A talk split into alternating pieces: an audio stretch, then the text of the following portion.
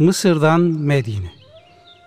Musa aleyhisselam hiç vakit kaybetmeden Medyen'e doğru hareket etti. Aslında o şehir dışına hiç çıkmamıştı ve nereye gideceğini de bilmiyordu. Hatta yanına yiyecek bile almamıştı. Allahu Teala Cebrail aleyhisselamı gönderdi de kendisine Medyen yolunu gösterdi. Medyen o zaman Mısır'dan 8 günlük bir mesafedeydi. Medyen'e doğru yöneldiğinde umarım Rabbim beni doğru yola iletir dedi. El-Kasas 22 Medyen halkı ile Musa aleyhisselam arasında akrabalık bulunduğu rivayet edilmektedir. Zira Medyenliler de Hz. Musa da İbrahim aleyhisselamın neslindendi. Hatta Medyen İbrahim aleyhisselamın oğullarından birinin adıydı ve bu şehir Firavun'un idaresi altında değildi. Nihayet Musa aleyhisselam Medyen'e ulaştı. Halk Medyen kalesinden sürülerini çıkarıyordu. Hz. Musa'nın durduğu yerde bir su kuyusu vardı. Ve kaleden çıkan sürüler oraya doğru geliyorlardı. Biraz sonra herkes koyunlarını sulamak için kuyunun etrafına üşüşmüştü. Ancak iki hanımın koyunlarını alıp kenarda durmaları ve kalabalığa karışmamaları Hz. Musa'nın dikkatini çekti. Onlara sordu. Siz niye bekliyorsunuz? Hayvanlarınızı niçin sulamıyorsunuz? Hanımlar, çobanlar gitmedikçe hayvanlarımızı sulayamıyoruz dediler. Musa aleyhisselam kimseniz yok mu dedi. Hanımlar, babamız çok yaşlı ve halsiz. Bu sebeple koyunları biz sulayıp otlatmak zorunda kalıyoruz. Erkeklerin içine girmek istemediğimiz için onlar çekilip gidince sürülerimize su veriyoruz. Fakat bazen de önce onlar suladığı için kuyuda su bitmiş oluyor. Hayvanlarımızı sulayamıyoruz dediler. Ayet-i kerimede şöyle buyurulur. Musa Medyen suyuna varınca orada hayvanlarını sulayan birçok insan buldu. Onların gerisinde de iki kadın gördü. Hayvanlarını sudan men ediyorlardı. Onlara derdiniz nedir dedi. Şöyle cevap verdiler. Çobanlar sulayıp çekilmeden biz onların içine girip hayvanlarımızı sulayamayız. Babamız da çok yaşlıdır. El Kasas 23 Bunlar Hazreti Şuayb aleyhisselamın kızları Safura ile Süfeyra idi. Musa aleyhisselam 8 gündür aç olmasına rağmen çok güçlü olsa kuyudan su çekti ve Safura ile Süfeyra'nın hayvanlarını suladı. Hanımlar teşekkür edip oradan ayrıldılar. Bunun üzerine Musa onların yerine davarlarını sulayıverdi. Sonra gölgeye çekildi ve Rabbim doğrusu bana indireceğin her hayra muhtacım dedi. El-Kasas 20'de. Musa aleyhisselam günlerdir bir şey yememişti, çok açtı. Bu sözleriyle de Rabbinden kendisine azık ihsan etmesini niyaz etmekteydi. Ayetin ikinci cümlesinde doğrusu bana indirdiğin hayırdan dolayı muhtacım manası da verilmektedir. Buna göre Musa aleyhisselam kendisine tevdi edilen yüce vazifeye ve dünyada fakir düşüşüne işaret ediyor. Çünkü o Firavun'un yanında bolluk içindeydi. Fakat bu sözler şikayet değil. Cenab-ı Hakk'ın kendisini selamete eriştirmesine şükür ve açlığını gidermesi için de niyaz kabilindendi. Şuayb aleyhisselam kızlarının davarları sulamaktan erken döndüklerini görünce şaşırdı ve bunun sebebini sordu. Kızları da daha önce o beldede hiç görmedikleri salih bir insanın kendilerine yardım ettiğini söylediler. Şuayb aleyhisselamın Hz. Musa'yı yanına çağırması. Şuayb aleyhisselam Musa aleyhisselamın yanına çağırdı ve ona kim olduğunu sordu. Musa aleyhisselam ben Yakup aleyhisselam neslinden İmran oğlu Musa'yım dedi ve başından geçenleri anlattı.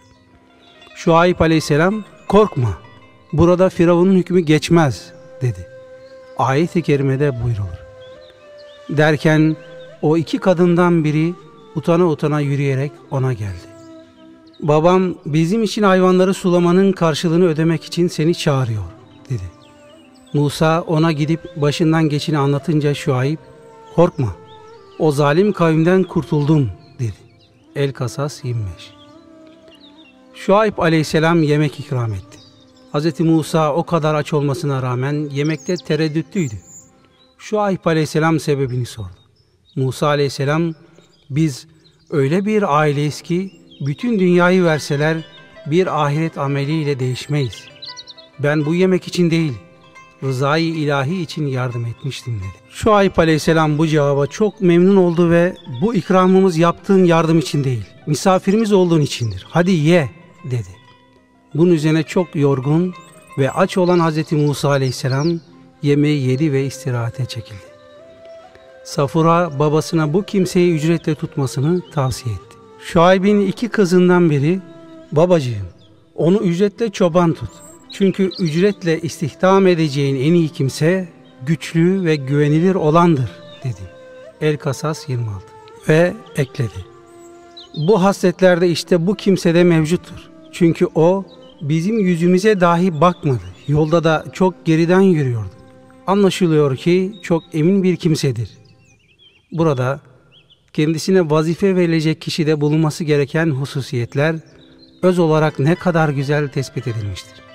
Bir liyakat.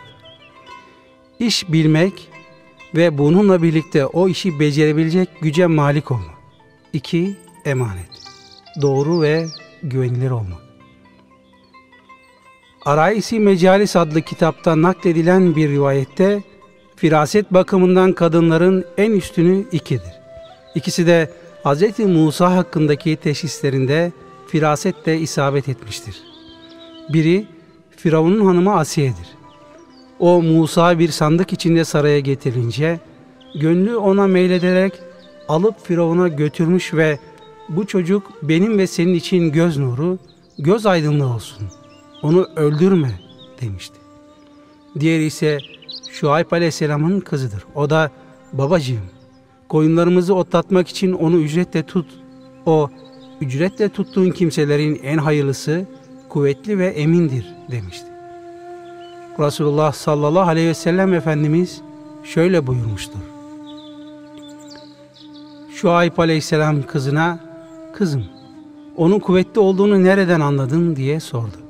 Kızı ağır bir kayayı aldı ve kuyunun üzerine koydu dedi. Şuayb aleyhisselam, peki emin olduğunu nereden anladın dedi. Kızı onu sizin adınıza davet edip buraya getirirken bana arkamdan yürü, önümden yürüme dedi. Bu sözünden onun emin biri olduğunu anladı. Cevabını verdi. Firaset, salih müminlerde meydana gelen isabetli sezgidir. Keşif halidir. Yani akıllılık, zeka ve seziş demek olan firaset, kalpte vuku bulan manevi bir idrak kabiliyetidir. Hz. Osman radıyallahu an gözü harama kayan bir kimseyi görmüş ve ona gözünü haramdan koru demişti. O da ya halife gözümün harama baktığını sen nereden bildin deyince Hazreti Osman radıyallahu an müminin firasetinden sakınınız. Çünkü o Allah'ın nuruyla bakar. Hadisini okumuştur. Yine Ebu Hanife Hazretleri abdest alan bir genci görmüş, şu şu hataları yapma demiştir. Genç hayret edip Hazreti İmam'a, ya İmam bu hataları işlediğimi nereden bildiniz diye sormuş. Ebu Hanife Hazretleri de abdest azalarından dökülen sulardan buyurmuştu. Hazreti Hatice, Hazreti Ayşe ve Hazreti Fatma radıyallahu anhünle de hep firaset sahibi validelerimizdir. Hatice annemiz malını ve canını Resulullah sallallahu aleyhi ve sellem uğruna feda etmiş ve onu ilk tasdik eden kimse rütbesine nail olmuştur. Hz. Ayşe validemiz ise Resulullah'ı anlama gücüne, onu mükemmel bir şekilde idrak etme kabiliyetine ve ahlakı peygamberiyi temsil eden derin bir hissiyat ve duyguya sahipti. Fatıma validemiz de babasından akseden bir merhamet, şefkat ve takva hali mevcuttu. Böylece bir taraftan hepsinin müşterek vasıfları bulunmasına rağmen diğer taraftan her birinde farklı farklı ve nadide hal tecellileri bulunurdu. Firasetin şartı helal lokma yemek ve kalbi hayatı inkişaf ettirmektir. Vasıti radıyallahu anh buyurur. Firaset kalpte parıldayan nurun ışığıdır. Kalpte yerleşen marifettir. Yani Cenab-ı Hakk'ı kalben bulabilme, kalben idrak edebilme ve ona yaklaşabilmektir. Bu marifet ile gaybin sırları ayan olur. Hz. Mevlana Kuddisesi Ruh mesnevesinde marifet sırrına şu şekilde açıklık getirir. Akıl, dünyevi işlerimizde başarılı olmasına rağmen mahiyeti icabı hakikate, ilahi esrara yani marifetullah'a vasıl olmakta yetersiz kalır. Bu ulvi yolculuk için bir vasıta gereklidir. O da gönüldür, aşktır, vecdir, istigraktır. Akıl Mustafa'ya kurban olsun. Evliya Allah'tan Abdülhalik Gucdevani Hazretleri'nin sohbetine gelen yabancı bir genç, müminin firasetinden korkunuz çünkü o Allah'ın nuruyla bakar hadisinin sırrı nedir diye sordu. Abdülhalik Gucdevani Hazretleri cevaben, belindeki zünnarı çıkar, Hristiyanların taktığı o küfür alametini çöz ve İslam ol dedi. Bu firaset dolu keramet karşısında genç, pirin önünde kelime-i şehadet getirdi ve Müslüman oldu. Hz. Gocdovani bu sefer ihvanına dönüp biz de kalplerimizdeki zünnarı çıkaralım buyurdular. Kalpteki zünnar kibir, gurur, haset, cimrilik ve kıskançlık gibi gönle girmiş olan kötü ahlaktır. Musa Aleyhisselam'ın Safroya'ya evlenmesi. Şuayb Aleyhisselam Hz. Musa'yı çok beğenmişti. Onu yanında alıkoymak istedi. Bir çare düşündü. Sonunda kızı Safura ile evlenmesini teklif etti. Musa aleyhisselam bunun nasıl mümkün olabileceğini sorunca Şuayb aleyhisselam 8 sene koyunlarına bakması şartıyla kızıyla evlenebileceğini söyledi. Ancak 10 sene bakarsa daha iyi olacağını bildirdi. Gayesi Hz. Musa'nın daha uzun müddet yanında kalmasıydı. Bu konuşma Kur'an-ı Kerim'de şöyle bildirilir. Şuayb dedi ki, bana 8 yıl çalışman şartıyla şu iki kızımdan birini sana nikahlamak istiyorum. Eğer 10 yılı tamamlarsan artık o da senden bir lütuf olur. Yoksa sana ağırlık vermek istemem. İnşallah beni iyi kimselerden bulacaksın. El Kasas 27 Musa şöyle cevap verdi. Bu seninle benim haramdadır. Bu iki süreden hangisini doldurursam doldurayım, bana karşı bir husumet duymak yok. Söylediklerimize Allah vekildir.